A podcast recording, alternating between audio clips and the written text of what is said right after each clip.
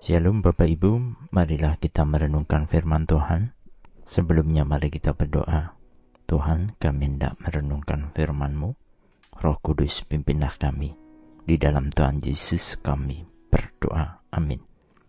Bacaan saat ini diambil dari Roma 5 ayat 8. Roma 5 ayat 8. Akan tetapi Allah menunjukkan kasihnya kepada kita oleh karena Kristus telah mati untuk kita ketika kita masih berdosa. Sebagai pengikut Kristus, kita percaya bahwa Kristus mati bagi orang-orang berdosa. Siapa pun orang berdosa itu, setiap kita yang hidup di dunia ini. Kematian Kristus di kayu salib dijalaninya bukan menunggu sampai manusia percaya kepadanya. Kristus mati ketika kita masih berdosa dan sebelum kita diselamatkan. Kristus mau menanggungnya walaupun Kristus tahu banyak orang yang tidak percaya. Artinya, kematiannya memang dijalani sebagai harga yang dibayarnya untuk menebus kita. Kristus membayar lunas dan dibayarnya di depan tanpa menunggu kita jadi percaya dulu. Pengorbanan yang dilakukannya menjadi bukti kasihnya yang besar. Seseorang yang rela mengorbankan nyawanya sendiri untuk menyelamatkan orang lain, manusia menganggapnya sebagai pahlawan. Tetapi tidak seorang pun mau bersedia mati bagi musuh-musuhnya. Kita adalah musuh-musuhnya, orang-orang berdosa, orang-orang yang tidak percaya dan ragu akan kuasanya dosa dan perbuatan kita yang tercela jauh dari perkenan Tuhan.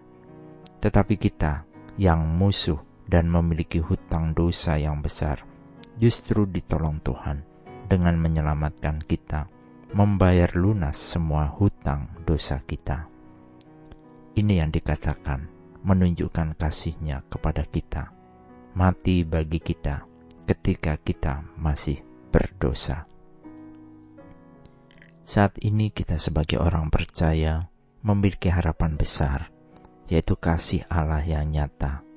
Harapan kita tidak akan pernah mengecewakan. Kasihnya yang sempurna telah menanggung kita. Setiap kita yang berdosa memiliki kesempatan untuk diselamatkan. Kapan pun kita bisa datang kepadanya. Dosa sebesar apa pun, pelanggaran seberat apa pun, Allah akan terima selama kita mau bertobat, mengakui dosa-dosa kita, dan percaya kepadanya, maka kita pasti diampuninya. Yesaya 1 ayat 18 menuliskan, Marilah, baiklah kita berperkara, firman Tuhan, sekalipun dosamu merah seperti kirmisi, akan menjadi putih seperti salju sekalipun berwarna merah seperti kain kesumba, akan menjadi putih seperti bulu domba. Ini bukti kasih Allah yang besar bagi kita. Mungkin selama ini kita merasa kita tidak layak di hadapan manusia, tetapi mari kita melihat kasih Allah yang besar. Dari semua perkiraan dan pemikiran kita, kita berharga di mata Tuhan hingga Tuhan rela memberikan nyawanya ganti kita.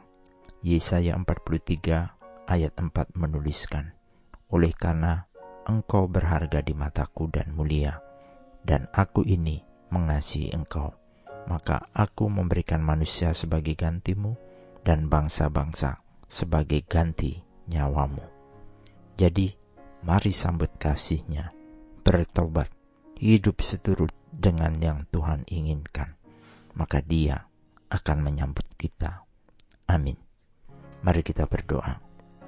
Bapa Surgawi, terima kasih karena Engkau begitu mengasihi kami, sehingga Engkau mengirimkan Kristus untuk mati bagi kami, menjadi juru selamat dan Tuhan kami.